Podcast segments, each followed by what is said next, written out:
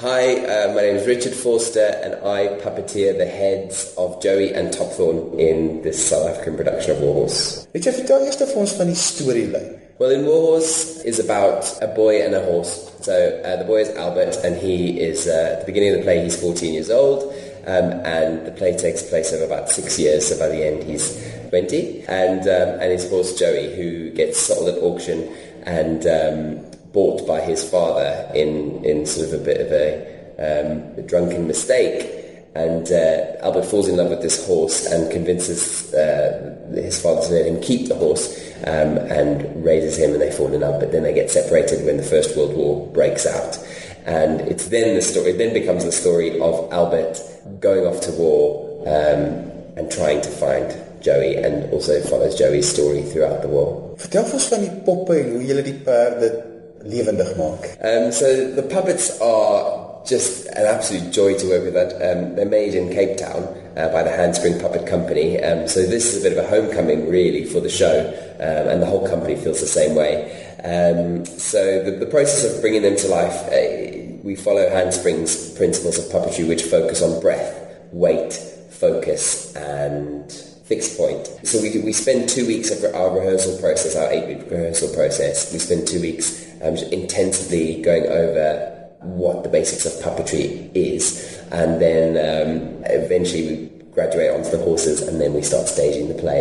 Um, so we spend a lot of time uh, researching how horses move, how they behave in different situations, what the different hoof patterns are. Um, so there's a lot of research that goes into it.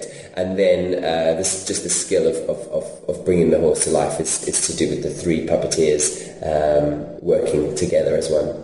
Maar dit is die vraag wat ek wil is dat dis drie mense wat in die perd is. Hoe kry julle daai daai timing tussen die drie persone sodat dit een perd is wat drie mense vorm?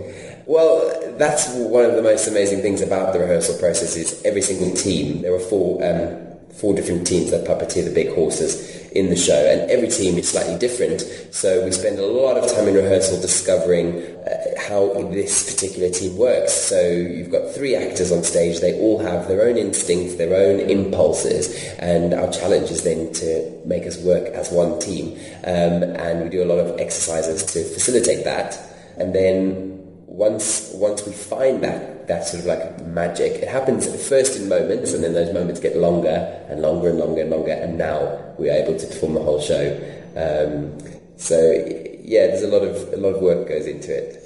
Ek het so voeltjie oor vlei dat selfs die temperamente van die manipuleerder speel 'n rol in watter van die perde en karakters. Yeah, I think that's true actually. Um, I think that within each of the different teams, you can you can see the humans, the human beings that are the puppeteers. You can see elements of their character, which eventually become the characters of the horses. But we do strive to create one type of character for Topthorn and another for Joey because uh, their, their, breeding is different. Topthorn is a thoroughbred, Joey is half thoroughbred, half draft. So Joey is sort of like strong, rough, rough and ready. Uh, he's a bit cheeky, mischievous, intensely loyal, kind. Whereas Topthorn is a bit withdrawn. He's sort of uh, regal. So we try and make sure that those differentiations are solid within the show. But then within that, there's a lot of scope for our own personalities to come forward. Jy het vroeër genoem van die vier punte waarop jy fokus wanneer jy manipuleer. Hmm.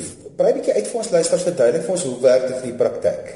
Okay, so um breath is the first principle of puppetry and when you talk to Basil and Adrian of Handspring Puppet Company that they focus so much on breath because uh, as an actor you walk on stage and you are in, you you are breathing and the audience doesn't have to believe that. They know that you are breathing. Whereas with a puppet, uh, you have to give the puppet life, and it, we use breath to do that. So on the fundamental level, when Joey is absolutely still, he is breathing. There is a tiny little element of movement. So that's the breath. Uh, focus is a very interesting one because um, baby Joey, all three of the puppeteers are outside of the horse, whereas on the big horses, only the head puppeteer is outside the horse. But it becomes really important when the puppeteers outside the horse are because um, we're all visible, we're all in our costumes, and um, and there's no sort of attempt to hide us. So we're there, but in order to get the audience not to be looking at us, we have to give our focus to the horse. And in doing so, it's, it's very interesting. In rehearsals, we, we sort of explored it for quite a while. It's very inter- interesting because as soon as you are entirely focused on the, on the puppet, the audience has no interest in you. They want to see what, what's so interesting about the puppet. Why are you so focused on the puppet? As soon as you break that focus, the audience entire attention is on you. So it's, it's, it's a quite important one. Uh, weight is, um, the puppet weighs only 70 kilograms. I know that's a lot for us to carry, but a real horse would weigh closer to a ton, especially a draft horse. Um, so we have to give the illusion that this 70 kilogram puppet weighs far more than it actually does. And so we do a lot of work at grounding. Um, and then fixed point is slightly more um, slightly more, not abstract, but it's slightly more difficult to explain with words. Um, and that's basically that once, once you've put your foot down, it can't leave the floor until you've moved your weight over the, the, the foot. And, and if, if, you don't get that right, the audience, it, it's about um, convincing the audience of the sort of like law of gravity in the world that you're creating. Um, and so you have to do that. As 'n manipuleerder werk jy ook baie sterk met die temas wat binne in die stuk is. Hoe kry jy dit reg om dit want basies is jy daar maar jy is ook nie daar nie. I think the most important thing about uh, telling this story and, and I know the themes are are big, but I think it's very important to focus on the truth of the story. We're dealing after all with the First World War, which is a real life event.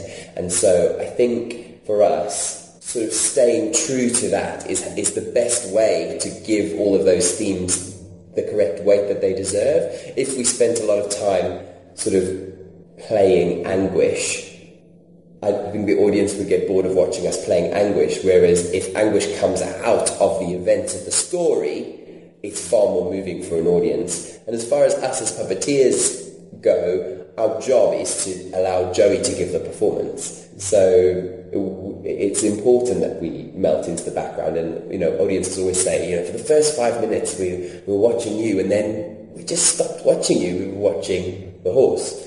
And, uh, and that's the greatest compliment really is our, our job is to, to melt away and to just allow Joey to give a performance.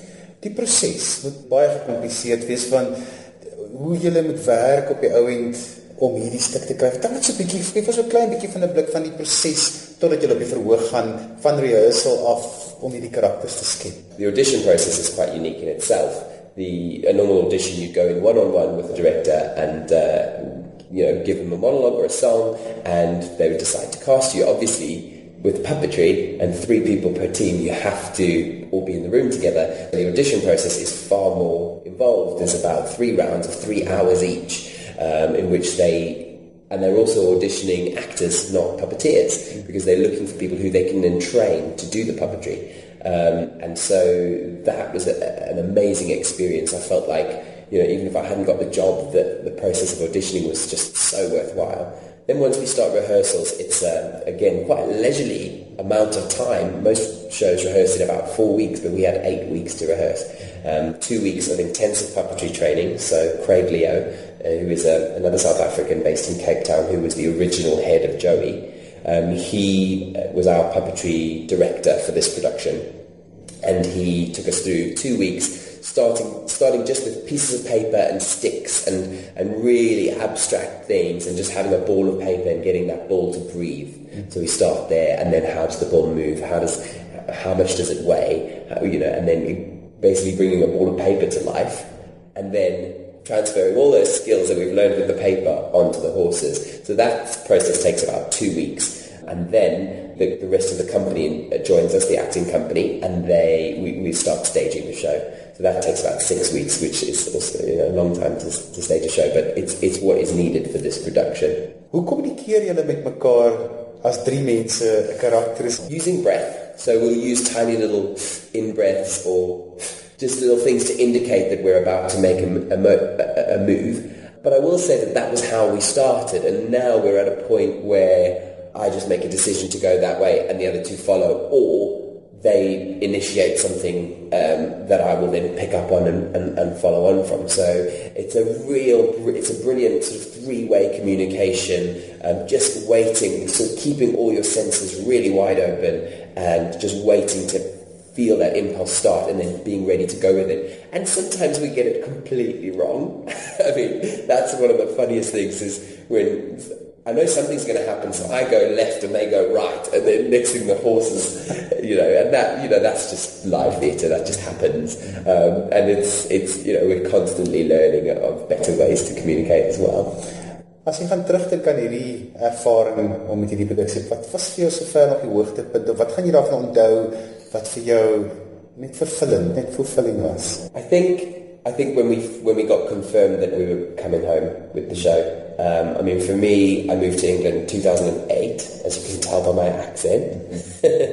um, but I think I I dreamed of being in Warhorse one day, and I you know I gained some puppetry skills. I actually came back to Cape Town um, and went to the Handspring workshop and spoke to them there about um, you know what, what, I should be bringing into auditions and how, how what was the best way to approach it. So it was a long process for me, but that was to get into Warhorse in England.